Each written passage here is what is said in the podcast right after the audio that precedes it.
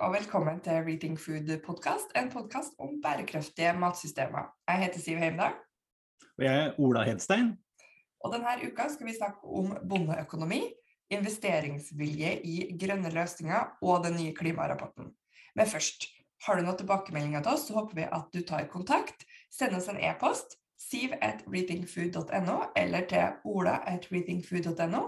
Send oss en melding på sosiale medier, eller bare ring, for vi elsker tilbakemeldinger. Eh, og hvis du eh, har lyst til å gi oss en anbefaling eller en rating på denne podkasten, så blir vi veldig glad for det, for det betyr da at enda flere får vite om podkasten. Eh, sånn at da dukker vi opp i, i ulike anbefalinger. Det, det har vært veldig bra, for vi vil jo at flere skal bry seg om bærekraftige matsystemer, ikke sant Ola? Jo, det vil vi gjerne. Det er jo få ting som er viktigere enn det. Ikke sant. Så bli veldig glad hvis dere gjør det. Ok, men eh, vi bare kjører rett på. Eh, ny klimarapport. På mandag så kom altså da den tredje delen av den sjette hovedrapporten. Det er litt av en rapport, det her. Eh, og da sa de jo det, at nå må vi, nå må vi slutte å slippe ut de klimagassene. Men vi fikk også presentert noen løsninger på hvordan vi da skal begrense utslippene. Så det var litt deilig, Kjette. Ja, det, det, trengs jo. Eh, det står jo mye det samme som eh, i mange mange rapporter før.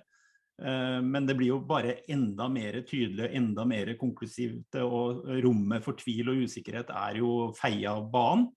Og så er det mulighetsorientert, tross alt. Selv om alvoret i formidlingen er jo sånn at man får dårlig nattesøvn og blir deppa hvis man har anlegg for det. Ja, jeg, jeg, leste ikke så nøye på den delen, for den, jeg følte at uh, nå, vi, har fått, vi, har fått, inn budskapet nå. Kode rød den sitter ganske langt uh, framme i, i, pannebrasken. Men det som var litt mer spennende, budskapet syns jeg, da, det var jo nettopp det at det er økonomisk lønnsomt å investere i klimatiltak.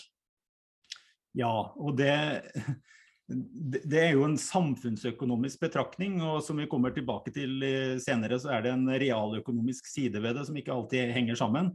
Eh, men for alle beslutningstagere, myndigheter eh, som sitter eh, og tenker økonomien i makro, så er jo dette et, et, budskap om at de i hvert fall ikke må tvile og sørge for å legge til rette for at investeringene går i den retningen, som også er til gode for den samfunnsøkonomiske betraktningene. For det har jo skjedd en del eh, siden man begynte å gjøre de her målingene. Og det, det viktigste tiltaket ser vi jo, er at det har blitt veldig mye rimeligere å investere i sol- og vindkraft og eh, energieffektivisering eh, og den type ting. Eh, men jeg tenker, det fortsatt, Kostnadene er jo fortsatt ganske høy, men, men at, eh, at, kostnadene har faktisk blitt redusert med hva de sier, rundt 80% det, det er jo et ganske bra tegn på at det går i riktig retning. Ja, og det som skjer er jo Eh, ja, Du ser det jo på elbiler. Nå er det blitt standard. Nå er det liksom snart hoved, eh, hovedomsetningen av, av, biler. Det betyr at fabrikkene finnes, batteriene lages. Eh, det er hele tatt lagt opp til at det er standardproduktet. og Da blir eh, liksom kostnadene i logistikkjeden eh, betydelig mindre. og Det samme ser vi på energikilder og en del andre, andre ting. Så er det jo da Eh, selvfølgelig Det viktigste tiltaket da, det er jo at uh, utslipp fra uh, kull, olje og gass må ned. Den, den, den har vi, på en måte, det vet vi. Men en annen løsning de sier at det må fjerne CO2 fra atmosfæren. Og at her kan jord, skog og arealforvaltning spille en viktig rolle. Og det, da begynner det å bli veldig spennende for oss. Ja, det er, det er liksom både noe bra og, og, og, noe sånn alvorlig i det. da, eh, fordi hvis vi skal lykkes å komme til to grader og etter hvert ned til 1,5 grad, eh, som er det optimale målet inn mot eh, rundt 2050, så må man faktisk ikke bare kutte utslippene, men man må også fange karbon og lagre det. Så det bare sier noe om at man skjønner at kuttene som sådan ikke vil være nok til å snu utviklingen. Du er også nødt til å fange karbon på nye måter og sørge for at det blir lagra og tatt ut av sirkulasjonen. Yes, men jeg tenker jo det er jo her da de grønne næringene eh, må rekke opp hånda og si at eh, her har vi lyst til å bidra, her kan vi være en aktiv eh, medhjelper for å, for å, få gjort det. Fordi nå er det noen ting som heter fotosyntesen. Eh, som vi faktisk har lært om på skolen, selv om det begynner å bli ganske mange år siden for noen av oss, og liksom veldig mange har glemt det. Men, men det fins altså noe som heter fotosyntesen. Har du lyst til å forklare for de som da ikke husker det fra naturfagstimen? Bare tar du det sånn på sparket? Det er jo sånn med meg at eh, når det kommer til fotosyntesen og kretsløpene, så, som jeg har lært veldig grundig, eh, så ble jeg jo nervøs med en gang i forhold til at jeg må huske alt og forstått det riktig. Eh, men det er ganske enkelt. Og kortversjonen er jo at planter, om det er på land eller i, havet, de spiser karbondioksid, altså CO2. Og produserer da karbohydrater, som er sukkermolekyler på den enkle måten at de kombinerer det da med oksygen Nei, med, unnskyld, men der kom feilen med en gang. Med, med vann. De kombinerer uh, vann og CO2, og så har du solenergi, og så blir det da karbohydrater og oksygen. Så plantene produserer oksygen og spiser CO2. Det er jo det er jo selve hovedprosessen som gjør at jorda er til å leve på. Ja, det er det som er så fascinerende. Det, liksom, det finnes noe som heter karbonfangst og -lagring. Det skjer naturlig hele tida uten at vi, vi, tenker på det. Og så driver man og skal lage alle mulige sånn tekniske duppedingser. Og så er det sånn uh, Ja, men du kan gå og kjøpe en plante, f.eks. Eller plantetre. Ja, det, det, er jo, det er jo så, så enkelt som, som det. og eh, vi er jo begge ganske sånn teknologioptimister, eh, Siv. Uh, og det er jo bra, sånn som man gjør på Island, å bygge karbonfangstmaskiner og bruke den eh, overskuddet av energi de har med lavaen og vulkansk aktivitet, uh, jordvarme der. Uh, det er kjempebra. Men vi må ikke glemme den muligheten for å binde karbon som ligger i naturen og plantene. og sørge for at måten vi bruker plantene på, skjer på, på en sånn måte at vi får fanga mest mulig karbon og lagra mest mulig karbon på måten vi bruker plantene. For deres kapasitet til å binde karbon er jo, er jo mye, mye mye større enn en det overskuddet av karbondioksid som vi har i atmosfæren. Så det handler om litt sånn klokskap og finesse og, sette søkelyset på det. Og ikke minst at alle de klimaekspertene som er veldig, veldig opptatt av klimagassutslipp, blir opptatt av karbonfangst også, både i naturen og ved bruk av eh, fysiske, kjemiske prosesser som vi kan gjøre teknologisk. Yes, for det er jo, eh, Hvis vi nå da ser på den eh, biologiske delen da, og lar den der high-tech-løsningen eventuelt komme tilbake til det på en annen podkast, men eh, det, det, handler jo liksom da om eh, at vi har, altså det, liksom, det, blir liksom kjedelige løsninger, men det handler om hvordan skal vi bruke arealene våre. Da er vi liksom tilbake til det igjen. At uh, det handler om å legge til rette for naturbruk, egentlig. Ja, det gjør det. Og når, når klimaavtalen ble skrevet under i Paris, uh, og, så det var jo enestående det de fikk til der av, av enighet uh, den gangen. Men, men, da var det også en annen ting som det ble snakka om, som var et fransk initiativ som kaltes sånn fire promille-initiativ eh, eller et eller annet. Eh, og innholdet i det er jo sånn oppsiktsvekkende. Eh, for de, de, sa da ut ifra beregninger på hva som kan hjelpe til, så sa de at hvis man bruker jorda på en sånn måte at uh, vi binder mer karbon i uh, forbindelse med jordbruksproduksjon, uh, og den lille mengden som man trengte å forbedre, var eh, da fire promiller eh, mer karbon i jorda. Eh, hvis man klarte å få til det på det jordbruksarealet som man bruker i verden til jordbruksproduksjon, altså ikke beiter og annet areal, men, men der hvor man driver vanlig jordbruk. Hvis man klarte å øke karbonbindinga med fire promille, så vil det binde like mye karbon som det klimagassutslippet vi må redusere. Så, så, det er egentlig I matematikkens verden så er det løsningen på hele problemet. Så stort er potensialet. Uh, og jeg aner jo ikke om det er rett og alt mulig sånne ting. Det har ikke forutsetninger til å gå inn, det får andre kommentere som har den uh, kunnskapen. Uh, men det betyr jo i hvert fall om vi får til lite grann av de fire promillene ved å være bevisst på det når vi bestemmer oss for hvordan en bærekraftig jordbruksproduksjon skal være, så vil det ha enorm effekt. Eh, og det gledelige er jo at det har begynt å skje.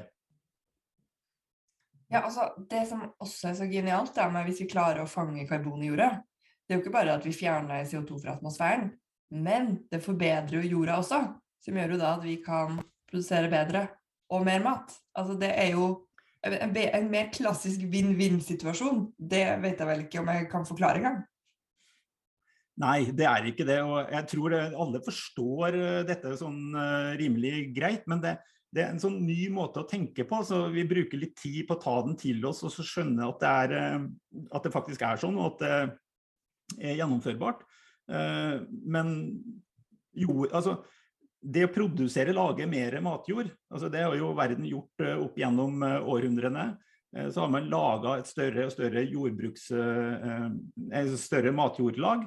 Og så har vi da i den industrielle revolusjonsperioden laga dyrkningsmetoder som forbruker matjordmengden. Og i noen steder, ikke alle steder, så, så har man begynt å redusere jordas helse, slik at man ikke har så effektivt produksjonsgrunnlag som man kunne hatt, eh, fordi man har utarma mikrolivet og tatt bort eh, karbon og forskjellige sånne ting, og blitt mer og mer avhengig av eh, kunstgjødsel. Og I noen tilfeller så er også kunstgjødselen, måten man bruker kunstgjødsel på, årsaken til at matjorda blir, blir svekka kvalitet. Men her går det jo an å gjøre det omvendt, slik at man fornyer produksjonsgrunnlaget og da er vi inne i det som har blitt en sånn hype, syns jeg, nesten det siste året. Og det er regenerativt eh, landbruk. Altså at du produserer eh, da mat på en måte som gjør at produksjonsgrunnlaget i jorda er like god neste sesong, og at du ikke forbruker noe eh, si, ressurser og potensial fra, fra, jorda.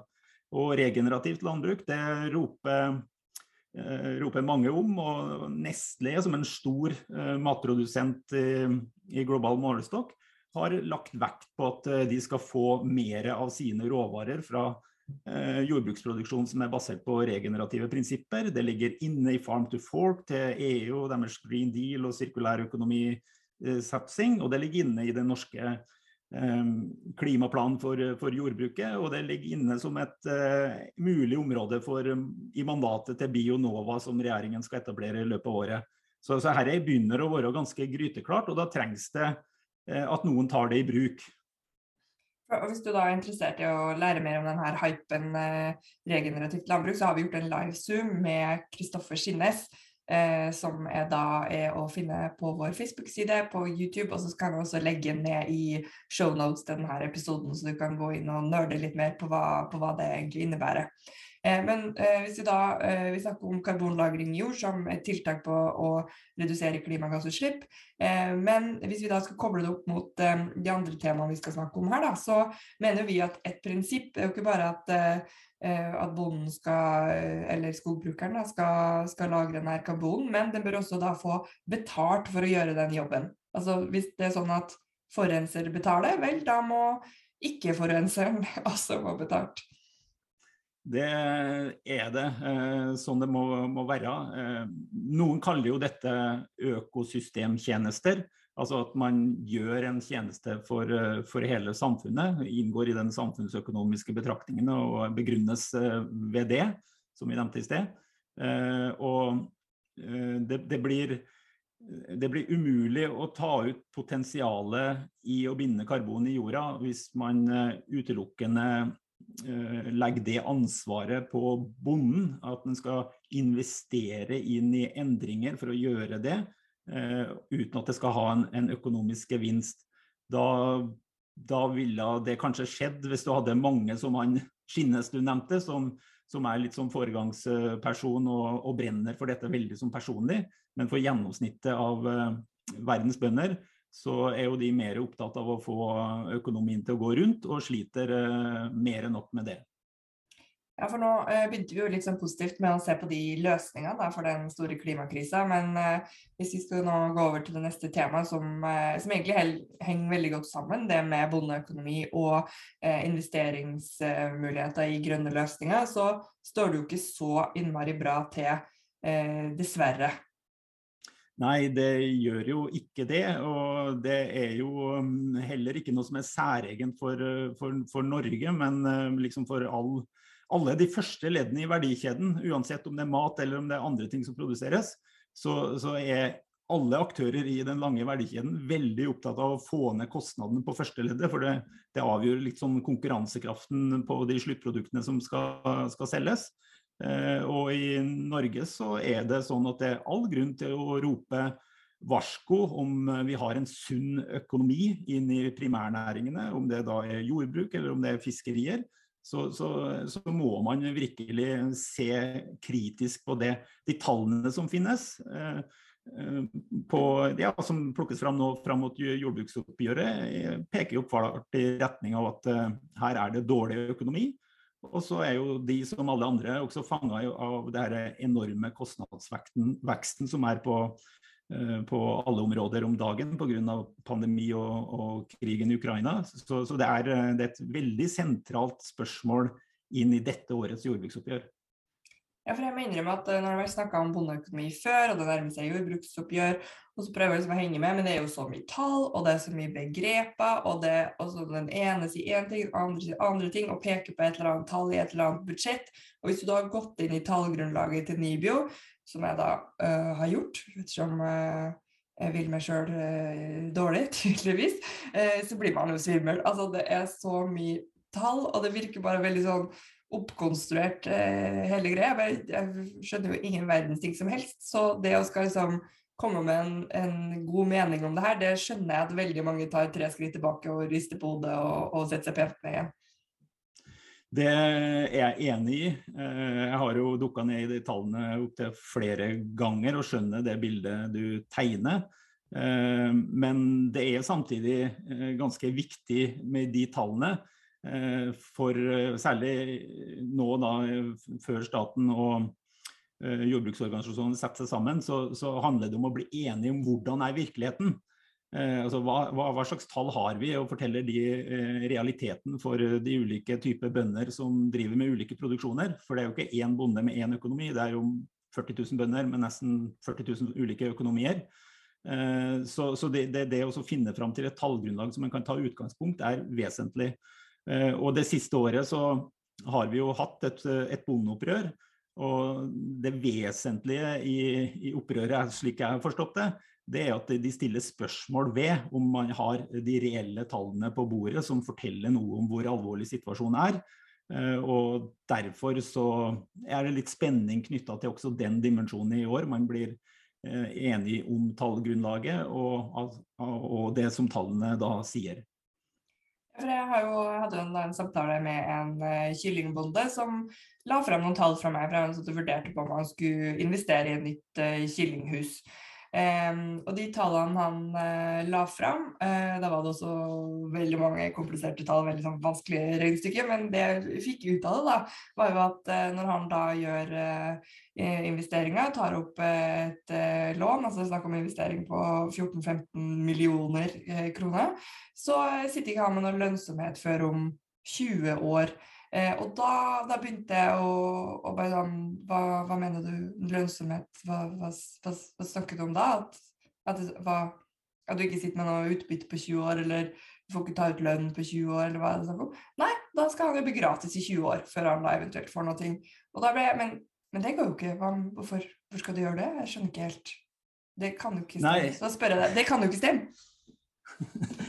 Det er jo bare å spørre deg sjøl. Vi har jo starta opp et selskap eh, sammen. og Eh, vi har jo ikke lagt inn i planene våre at vi skal jobbe gratis i 20 år. Det kan jo hende vi ender opp med å måtte gjøre det, men, men, men, det er jo absolutt ikke Det går jo ikke an uh, å, å, gjøre sånn. Og samtidig så, så vet ja, Jeg vet ikke om motivasjonene for han som du snakka med, men han tenker jo å gjøre investeringene for å produsere da kylling på en, på en, riktig måte i forhold til dagens krav og normer, og sikkert noe med dyrevelferd og energi inn i den sammenhengen. Eh, og egentlig da helt nødvendige investeringer, eh, både for han, men også for eh, måten vi produserer mat på. Og da blir det jo, blir det jo ikke mulig å forbedre matproduksjon hvis slike, slike, investeringer som nå han sitter og vurderer, egentlig ikke bør foretas, fordi det er ikke avkastning før på 20 år. For da, ja, altså, det, er tull å investere i noe som ikke gir avkastning på 20 år, rett og slett. Jeg blir jo bare så Jo flere jeg prater med, da, så, så, er det jo Og det, det, vet jeg jo egentlig, for jeg har jo jobba i, i um, landbruket i seks år, så jeg vet jo at veldig mange eh, har jobb ved siden av. Um, sånn at realiteten egentlig er nå her, da, at den maten vi spiser, som produseres i Norge, eh, er produsert eh, i tillegg til alt det andre man må gjøre. Så altså da, man har altså da eh, matproduksjon eh, som hobby, da? Er det, er det, sånn vi skal ha det, lurer jeg på? Ja, det, det, det er nok mange eksempler på, på, bønder som i dag lever av, eller familien lever av, primært andre inntekter enn det som er på jordbruksdrifta. Eh, og da, da blir det jo i praksis eh, en hobby, noe du gjør fordi det er gjort i generasjoner, du føler et ansvar, du, har, du liker å holde på med det. Eh, masse sånne argumenter som blir eh, avgjørende for at eh, skurtreskene kan kjøre rundt på, på høsten. Men hvis vårt matsystem blir prega av at det er mange nok som trives med å ha en meget kostbar hobby, som er grunnlaget for å produsere matkornet, eksempelvis, så er det jo et veldig, veldig lite bærekraftig matsystem og et matsystem som ikke kommer til å ta i bruk eh, ny kunnskap og teknologi raskt. Det kommer til å være konservativt, eh, sementere dyrkningsmetoder. Og tanken om sånn regenerativt landbruk som vi snakka om i sted, kan jo bare glemme, eh, på, glemme å tro er sannsynlig å få innført. Jeg kjenner at jeg som forbruker blir jo da litt stressa. Eh, for jeg er jo en veldig krevende forbruker, eh, siden jeg da jobber med de tingene jeg gjør, og er veldig bevisst på den maten jeg skal spise. Eh, men jeg vil jo ikke at dem som dem produserer den maten jeg skal spise, gjør det i tillegg. Altså gjør det etter å ha vært på altså Jeg vet jo hvor sliten jeg er etter å ha vært på jobb i, i åtte timer, og så skal jeg ta meg av noen unger. Og så skal man dra i fjøset. Det sier jo seg sjøl at uh, det her er ikke bærekraftig i lengden. At det har blitt gående så lenge, det er jo et, et under. Ja, det, eh, det, er det. Og eh, nettopp av den grunn så, så er det jo viktig at eh, jordbruksoppgjøret, da, som, som, er sentralt i det norske matsystemet, det er jo her hvor man avgjør økonomien i, i matproduksjon. Det er jo ikke sånn i andre land, da har de andre systemer, men det er den norske varianten. Så, så er jo det noe som er viktig for industrien, eh, viktig for forbrukerne og selvfølgelig viktig for politikerne. Eh, og viktig på helt andre ting i tillegg til selve inntekten til bonden. Eh, mens det vi oppfatter med jordbruksoppgjøret, er at det handler om bonden og mange, mange bønder som eventuelt kjører rundt i traktor og klager på, på dårlig økonomi. Men det er ikke det som er saken. Dette handler om hvordan maten skal produseres, om vi klarer å ta og forbedre den og få nok kvalitet og trygghet inn i, i matproduksjon, om dyrevelferden kan økes og forbedres, vi, og til syvende og sist nå da, om vi klarer å øke eh, jordbrukets bidrag til å binde karbon og løse klimaproblemet. Det er jo det, det verktøyet eh, jordbruksoppgjøret er, eh, men dessverre oppfatta, syns jeg, da, som eh, kun et inntektsoppgjør for bønder. Det er også synes jeg er litt rart da, når jeg prater med de her eh, bøndene som får legge fram de her tallene, så er det sånn Ja, nei, det er ikke meninga å klage. Nei, jo, dere må klage! Altså, dere produserer jo maten vår. Dere gjør jo noen av de viktigste jobbene i samfunnet. Selvfølgelig skal dere ha betalt. Det må være lov det å si at man skal ha betalt når man gjør en bra jobb. Det, det må absolutt være lov til å si det. og uh, de, de, jeg syns de skal si det med større tyngde, uh, men også være enda mer tydelig på hva man leverer til samfunnet. For årsaken til at det er politikk i, i, i maten, er jo at vi alltid har visst at uh, uten nok mat, så får du ikke et velstands, uh, velferdssamfunn. og Derfor har politikken alltid handlet om å sikre at vi produserer nok mat på en skikkelig måte, og at den er trygg å spise. Og så har det fått en ny dimensjon, eh, kanskje en oppfriskning nå pga. Eh, alle de her store verdensproblemene, og ikke minst eh, klimaproblemet. Og da må vi tilbake dit at, at dette er liksom primærverktøyet for politikerne når de skal utvikle et samfunn som er prega av velferdsgoder og trygghet og stabilitet. Da er det maten man begynner med, og få andre ting. Jeg har jo også sagt i, i, i Jeg er jo så heldig å bli bedt om å holde mange foredrag, eh, og da sier jeg at eh, det som er eh, spørsmålet i all matpolitikk, næringspolitikk, klimapolitikk, miljøpolitikk ja, grunne, grunne, Det grunnleggende spørsmålet det er hvordan produsere mer mat fra et mindre areal til en voksende befolkning i et vanskeligere klima, ta vare på biologisk mangfold og få ned klimagassutslippene. Det er grunnlaget for all politikk, gitt den code red som vi har nå. Og da må vi løfte blikket litt på hva vi vil med maten, og snakke om flere ting enn om bøndene skal kunne ha ferie. Ja, enig. Selv om det, det, er viktig med ferie òg, da. Da vil jeg bare, bare skyte inn. Ja, ja, bevares. Altså, det, det er viktig, det òg. Men ikke gjør jordbruksoppgjøret til bare et inntektsoppgjør. Gjør det til noe som handler om maten og samfunnet, for det er det det egentlig dreier seg om. Og da må bonden ha en eh, god inntekt for å kunne bidra til en god produksjon. Jeg tenker jo bare hvor, eh, hvor, utrolig kravstore vi forbrukerne er. Altså, eh, hvis du sikrer at dyrevelferden er god, det skal være eh, grønn energi på gården, man skal eh, redusere eh, mineralgjødsel osv. osv. Eh, men når, når pengepungen er tom, da gjør du ikke investeringer. Sånn, sånn, er det jo bare. Det gjelder jo i alle bedrifter og i, i privatøkonomi nå, selvfølgelig.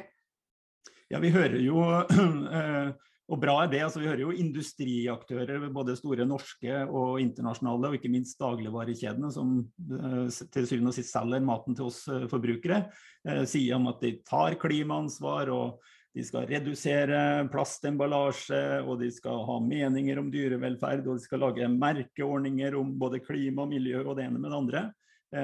og, det engasjementet er det bra de har.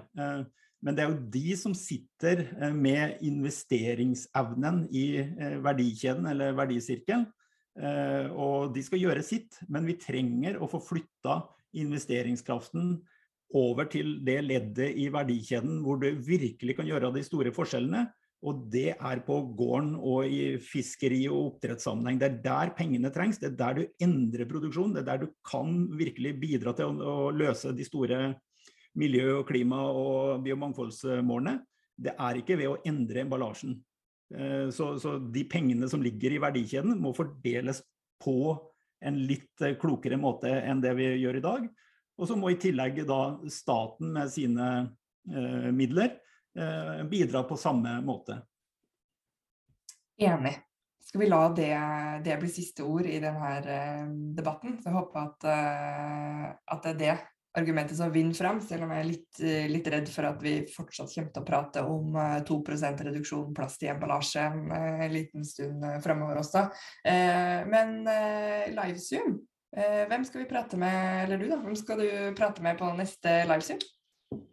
Ja, det er en dame som kanskje ikke er så kjent for de som ikke driver i beitenæringene, men hun er nestleder i norsk sau og geit. Eh, og driver da med småfeproduksjon. Eh, heter Marte Lang Re. Eh, og det spørsmålet vi stiller til henne, er rett og slett har sauen og geita en framtidig plass i det norske matsystemet?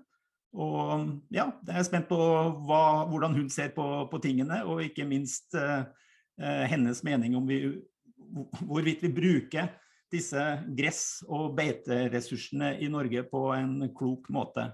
Jeg tror vel det tenderer til at hun eh, ikke syns det. Jeg gleder meg veldig til å høre hva, til den livezoomen med Marte. og Hun er kanskje ikke så kjent akkurat nå, men det må vi gjøre noe med. for hun er skikkelig kul dame, så det er veldig gøy at hun takka ja til å delta på en livezoom med oss.